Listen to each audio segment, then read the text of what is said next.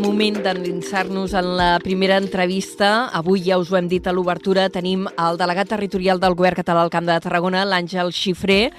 Tenim tants temes per tractar amb ell que som conscients que no els podrem abastar tots i a més tenim un informatiu carregat. Així que no perdem més temps, saludem-lo. Senyor Xifré, molt bona tarda. Hola, molt bona tarda. Un dels temes que li volia plantejar, i en principi el tenia una mica més enrere en la llista de preguntes, però ja que és notícia avui, comencem per aquí. La línia de molt alta tensió de Forestàlia. Avui Esquerra Republicana ha anunciat que demanarà la compareixença de la ministra de Transició Ecològica és un tema que preocupa perquè travessa molts municipis aquí del Camp de Tarragona i hi ha qüestions, i des de la Generalitat i també des de la Diputació, s'ha qüestionat com s'estava fent aquesta tramitació perquè ja hi havia aprovat una declaració d'impacte ambiental i des de la Generalitat no ho veieu clar, això. Aquesta línia, que és una línia, segons ells, d'evacuació, quan és una. És a dir, normalment les línies de molt alta tensió són línies de, de transport d'energia. De, en aquest cas, doncs, eh, el tràmit d'aquesta línia privada, que empreses forestals, és una, una línia, segons ells, que és d'evacuació. Aquesta línia va ser, va ser sotmesa per part del Ministeri de Transició Energètica a Informació Pública. Uh, les diferents uh, administracions van, dir les, van, van aportar les seves al·legacions amb, amb aquesta tramitació per, de l'impacte ambiental d'aquesta línia. Les de la Generalitat també va emetre els seus informes i el que va aparèixer doncs, és una autorització en principi o, o, o es va donar l'acord amb aquesta autorització ambiental però no recollia allò que la Generalitat havia dit. Llavors, cal dir també que és una línia que té, eh, no té l'acord, per dir-ho manera, dels, dels diferents municipis per on passa, ni dels Consells Comarcals, ni tampoc de la Diputació de Tarragona, que també és, també es part, diguéssim, implicada amb, amb aquesta línia. Per tant, eh, des de la Generalitat la postura que tenim és que no és el model que a nosaltres ens agrada, aquesta línia. De, eh, de, es diuen d'evacuació, però és una línia de transport. De fet, és Red Elèctrica Espanyola que té la competència sobre la, el transport de l'energia, no? en aquest cas doncs, eh, no aquesta, aquesta part privada, no aquesta línia privada. Així és com Esquerra Republicana avui ha presentat doncs, al Parlament una moció per tal de que el, el Parlament de Catalunya es pronunciï al voltant d'aquesta línia, que no és només aquesta, sinó que són tres les que han rebut l'avaluació d'impacte ambiental per part del Ministeri, les tres són de Catalunya, quan dic les tres, i que, i que en principi doncs, no té l'acord de, de tal com s'estan tramitant i tal com estan resolent per on han de passar les línies i de quina manera, no, no hi ha l'acord de la Generalitat de Catalunya. Vull dir, té un greu impacte ambiental, passa per zones que són inclús espais protegits i també doncs, no s'ha té en compte l'afectació que pugui tenir a la biodiversitat de, del nostre país i per on passa. Hi ha part doncs, de tot el tema paisatgístic perquè passa en zones molt sensibles amb aquest tema, com són el Priorat, eh, una segona línia passa per la Conca Barberà i no té en compte tampoc els aspectes paisatgístics de totes aquestes zones per on passa. Clarifiquem una mica, perquè a mi ja em balla el cap. Eh, estem parlant de tres línies. Les tres estan impulsades per Forestàlia i són per portar energia des de l'Aragó, des d'aquella macroplanta eh, d'energies renovables que es preveu fer eh, fins, a, fins a Catalunya, fins concretament a l'àrea de metropolitània, o són projectes diferents? Eh, perquè parlen d'una línia mat entre Granyent i Pierola, una altra Balmuel-Vegas. A mi em balla el cap. I si jo que vaig seguint l'actualitat cada dia em balla el cap, m'imagino que la gent en general encara li balla més. Sí, en aquest moment són tres. Una és la primera, doncs, la que va fins a Vegas, aquesta és la més coneguda perquè travessa sí. plenament tot el que és el camp de Tarragona, per la, la Ribera, entre pel Priorat afecta el Baix Camp, el Camp, també afecta l'Alt Camp i se'n va cap al Baix Penedès. I l'altra, la segona, és una que entra per la part de Lleida i afecta la Conca de Barberà afecta el Conca Barberà, per la, per la Noia, aquesta és una segona línia. I una altra que entra per la, per la part més superior de Lleida, aquesta és la tercera. Aquestes són les tres que en aquest moment doncs, sabem que eh, s'ha fet l'avaluació d'impacte ambiental per part del Ministeri. I, en I això vol dir que tira endavant o encara queden més tràmits per fer? Estem parlant de la declaració d'impacte ambiental. Eh? Vull dir, aquí hi ha més tràmits, perquè eh, per poder seguir endavant, per exemple, doncs, aquí des, per part de la Generalitat s'entén també inclús que hi ha hagut alguna invasió de competències, perquè no s'han tingut en compte el posicionament de la Generalitat de Catalunya en quant a respecte a, aquesta, a aquestes línies. De moment estan amb aquest tràmit, s'ha de veure el projecte constructiu també, també caldria l'acord dels ajuntaments perquè hi ha d'haver llicències, però en principi doncs, el, el que s'està treballant és perquè aquestes línies, que no és el model que nosaltres volem per Catalunya, que entenem un, un model més de proximitat i no pas de transport de, d'energia de, de, entre 200 i 300 quilòmetres, que és el que estem parlant, i evidentment doncs, ja el que és el territori ja fa temps que està treballant, i si em permès l'expressió, lluitant perquè aquestes línies no es facin. Uh, D'altra banda, tenim unes línies de transport, però també la proliferació o la necessitat també d'implantar energies renovables aquí al nostre territori amb aquest model més de proximitat. Ahir, precisament, eh, des de la Generalitat, el conseller d'Acció Climàtica i el president eh, presentaven els avenços que s'han fet en els últims anys des de l'aprovació del decret de renovables en la implantació de nous parcs eòlics i solars, eh, tramitacions que havien quedat, deien ells, paralitzades durant prop de 10 anys, havia avançat prop en aquesta poc en aquesta matèria, ara diuen que s'han fet passos, entenem que moltes d'aquestes centrals eh, també s'implanten aquí a casa nostra, al Camp de Tarragona, i no sempre són ben rebudes. Sí, de fet va haver un canvi normatiu a partir, just fa dos anys, quan, diguéssim, doncs, eh, quan, quan el Departament d'Acció Climàtica agafa les competències d'energia, va haver un canvi normatiu perquè quan tot aquest tipus d'instal·lacions, ja siguin eòliques o de plaques fotovoltaiques, al moment que es vulguin implantar, han de fer un procés participatiu en els municipis als quals afecten. Eh, d'aquesta manera doncs, pretén, es pretén, bàsicament, doncs, que no siguin, que sigui, evidentment, eh, hi ha un grup inversor al darrere que, perquè faci inversió gran, però sí que es dona l'oportunitat a qui vulgui d'aquests municipis, inclús pot ser el mateix ajuntament, participar en aquests, pla, en aquests parcs fotovoltaics. Amb això el que es busca doncs, és, en certa manera, doncs, buscar el consens per poder fer aquestes implantacions. Vull dir, si es vol fer la transició energètica, que és on estem, hi ha uns objectius clars, el que cal és que ens agradi o no, doncs hi haurà d'haver implantacions tant de parts eloics, eloics com també doncs, parts fotovoltaics. És necessària aquesta implantació, però també s'ha de fer de forma racional i que estigui ben vista pel territori. Tot, aquesta, tot això que estic dient eh, costa, eh? no és fàcil. Eh? Som, un, som un país molt garantista, que la, tothom vol dir la seva, si em permets, i que aquest tipus de tramitacions doncs, costen. També cal dir que hi ha molts d'aquests projectes que el que hi ha al darrere són fons inversors que el que volen és tenir l'autorització administrativa per després poder doncs, vendre. Eh? Vull dir, també estem parlant de negoci. El que ens interessa és que si algun parc fotovoltaic o eòlic tira endavant, eh, té un tràmit administratiu fins a tenir l'autorització administrativa, doncs que realment s'acabi fent. N'hi ha un que està a punt ja d'inaugurar-se, que és al costat de Constantí, del polígon industrial de Constantí. Que, que aquest és un macroparc, oi? Sí, aquest és dels, dels primers que es van autoritzar. Em sembla que té al voltant de 14-15 hectàrees i que ja està molt avançat i segurament doncs, es posarà en marxa. Jo diria que segurament, al moment que es posi en marxa, serà el més gran de tot Catalunya en aquests moments. Mm -hmm. uh, hi ha comarques, però, com la Conca, que diuen que ells ja han fet els deures en aquest uh, sentit, uh, que ja hi ha concentració de, de parcs eòlics, sobretot, i que encara continuen sortint projectes nous. Hi ha cabuda en segons quins territoris encara per, per més implantació de renovables o ja comencem a tenir l'espai saturat?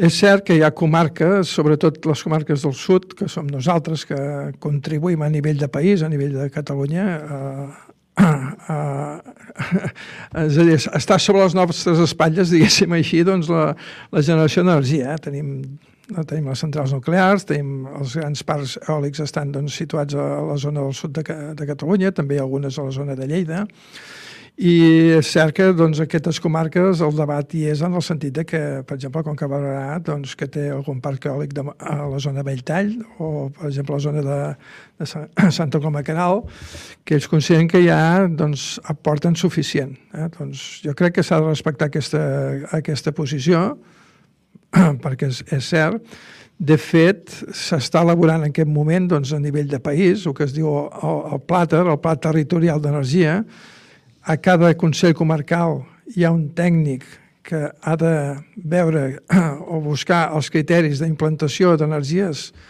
energies renovables en aquest territori, o sigui, en cada comarca, i aquesta feina que s'està fent a cada, nivell, a cada Consell Comarcal després s'ha d'unificar per fer un pla territorial d'energies renovables a Catalunya, que és el que estem. Vull dir, això es va començar fa just un any, un, com a molt un any, un any i mig, perquè tenim molts deures pendents com a país, vull dir, estan més de 10 o 15 anys paralitzats amb tota la implantació d'energies renovables i el que cal és, doncs, és, és primer que res fer aquesta orientació, eh, de dir, veurem quins, quins són els criteris que s'han d'aplicar a cada comarca per a les implantacions d'energies renovables. Per exemple, segurament la Conca Barberà doncs, el que aportarà és que ells, per exemple, doncs, eh, contribueixen bastant. Tot i així, doncs, no, no es pot oblidar que van sortint projectes. A la Conca Barberà van sortint sí, sí, projectes. Per això, per això, Serral, van, van sortir de, de aparegut, han aparegut a Serral algun, algun d'interessant, per exemple, a Serral n'hi ha un que correspon a, a una de les indústries que està implantada a Serral, que el que vol és fer un parc fotovoltaic que està ja al final dels seus tràmits per, per generar autoconsum per a la seva empresa. Vull dir, aquest tipus d'autoconsum, per dir una manera, o, o petites plantes fotovoltaiques, jo crec que, que hi caben. Uh -huh. Uh, un tema sensible el de l'energia, anem passant, eh? perquè si no no acabarem mai. Uh, L'altre tema sensible és el tema de l'aigua.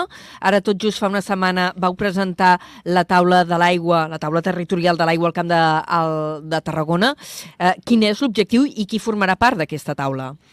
Aquesta taula territorial de l'aigua neix d'una iniciativa del govern de la Generalitat, que és la, la taula nacional de l'aigua. I la idea és bastant clara. Eh? Tots els experts ens diuen que a partir del, del canvi climàtic que està patint, i suposo que tots ja tenim bastant interioritzat que estem en aquesta situació, de fet portem, en quant a l'aigua, portem 3 anys de sequera, un dels problemes que tindrem és que, per exemple, l'any 2030 es preveu que disposarem d'un 15% menys de, de, de, de recurs hídric, eh? d'aigua. Què vol dir això? Que tant els ajuntaments, que som subministradors, o que subministra aigua, o les indústries, el sector turístic, o el sector agrícola, han de pensar com poden mantenir la mateixa activitat, però utilitzant menys recurs hídric, utilitzant menys aigua. Aquest és l'objectiu de, la, de la taula nacional de l'aigua. Té unes derivades com són les taules territorials de l'aigua, que en aquest cas doncs, la que vam constituir la setmana passada la, la taula territorial de l'aigua del Camp de Tarragona que l'objectiu serà a petita escala doncs, establir el que és les nostres comarques, doncs, establir quins criteris, quins objectius, què és el que ens plantegem com a territori que, siguin, que es pugui fer per tal doncs, que, les, ja tal com he dit, eh, el sector primari, l'agricultura, el sector industrial, el sector turístic, els ajuntaments consumeixin menys aigua. Per exemple, hem vist ara molt clarament, a partir d'aquesta manca d'aigua, que, per exemple, molts ajuntaments han abordat un problema de pèrdues d'aigua. O sigui, hem, hem vist tots que s'han posat a analitzar quina és l'eficiència de la seva aigua. És a dir, l'aigua que jo rebo malta, la que arriba al comptador, quines pèrdues tinc, no? Realment, doncs, a partir d'aquí hem vist ajuntaments que tenen pèrdues molt importants i s'han posat a fer els deures de, de millorar les seves canonades. Aquesta és la reflexió, bàsicament, que, que es pretén. Eh? Vull dir, hem de treballar tots, mirar d'aconseguir la mateixa activitat econòmica, la mateixa qualitat de vida, per utilitzar menys aigua. Qui ha convidat amb aquesta taula? Doncs hi ha convidades doncs, tothom que té a veure amb, amb aquests sectors. I quan parlo d'ús aigua també he de parlar de la part ambiental. Eh? També, per exemple, doncs, hi havia els grups ecologistes convidats, també hi havia tots els gestors d'aigua, els consells comarcals perquè els representen els seus municipis, perquè molta, molts municipis la gestió d'aigua la fa el propi Ajuntament. Havia MATSA, havia Aigües de Reus, havia el Consorci d'Aigües de Tarragona, també hi havia el sector empresarial, no? el sector industrial. pràctics? Perdona. Perquè eh, ja sabem que hi ha una gentada, però efectes pràctics què fareu? Reunireu de manera periòdica? Hi haurà intercanvi d'experiències? Com funciona aquesta taula?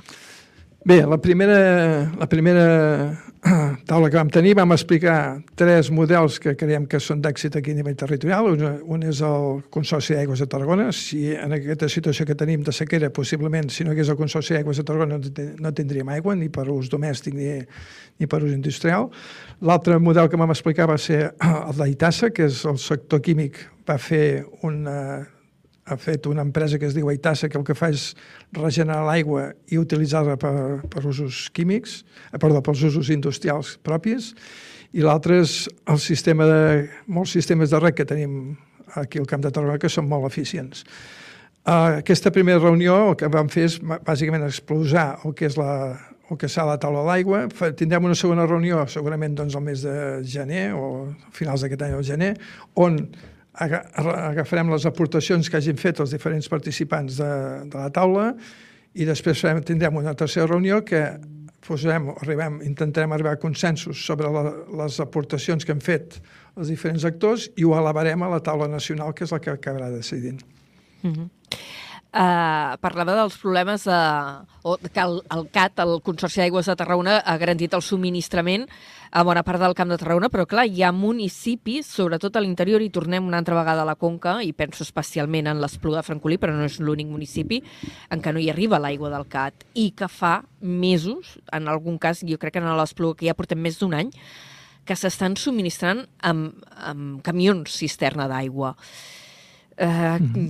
Quines respostes se'ls donen aquests municipis, delegat? bueno, eh, cal dir que ja fa temps que s'està treballant eh, per donar una resposta a aquests ajuntaments. Eh, sobretot parlem, estem parlant de la Conca Barberà, que és els que has anomenat. Eh, sap greu sempre anomenar l'Espluga, eh, perquè tampoc s'ho mereixen, perquè No són els únics, però clar, potser és el municipi més gran, no? Sí, és el més gran, però sap greu perquè realment l'Ajuntament doncs, està fent uns esforços molt importants per, I en tant, resoldre el problema. És que clar, han hagut de pagar molts diners aquest Ajuntament. 800.000 euros s'han gastat en És una animalada per un ajuntament d'aquesta dimensió. Correcte.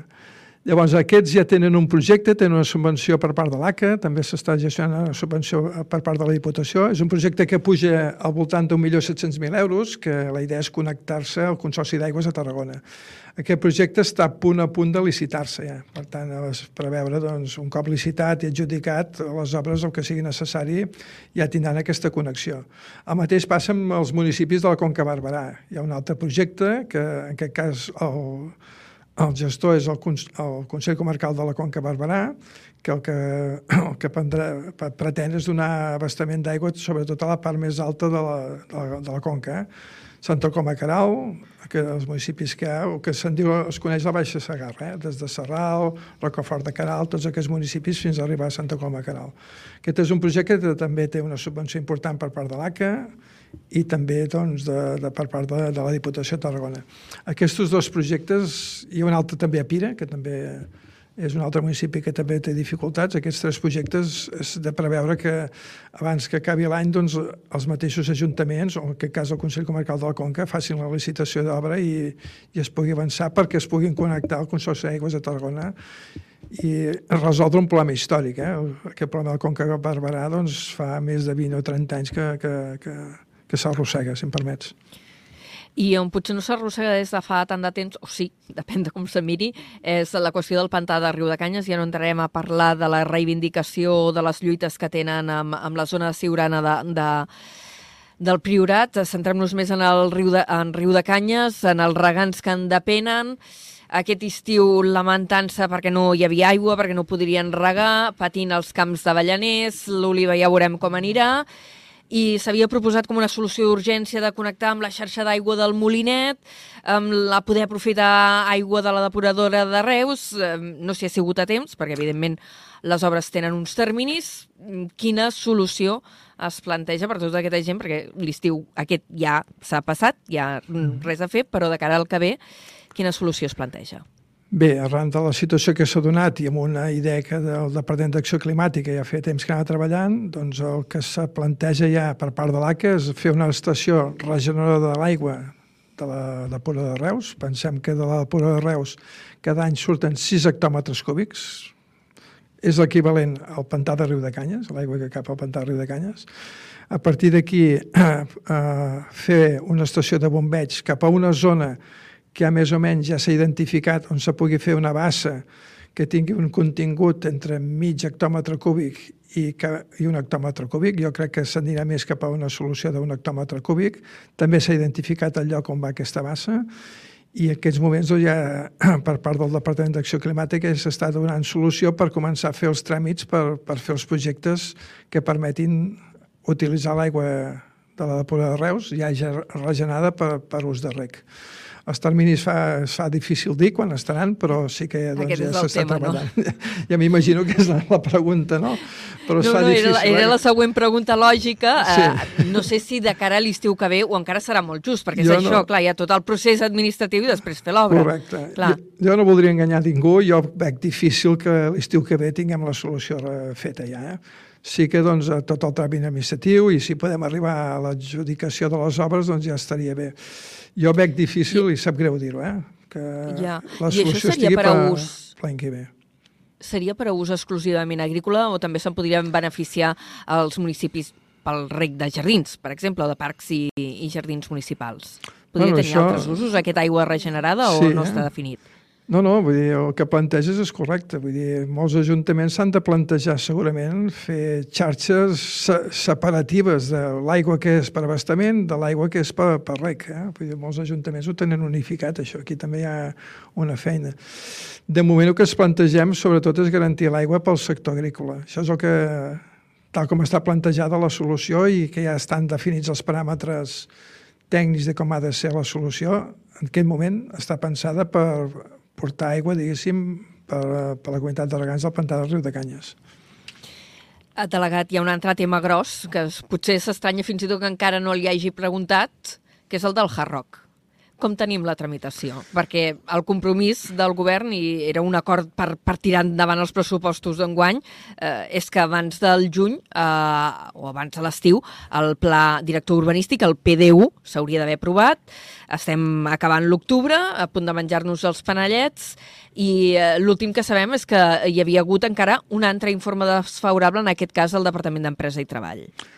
Sí, tenim el que va sortir públic, que és l'informe d'Empresa i Treball, que deia que mentre...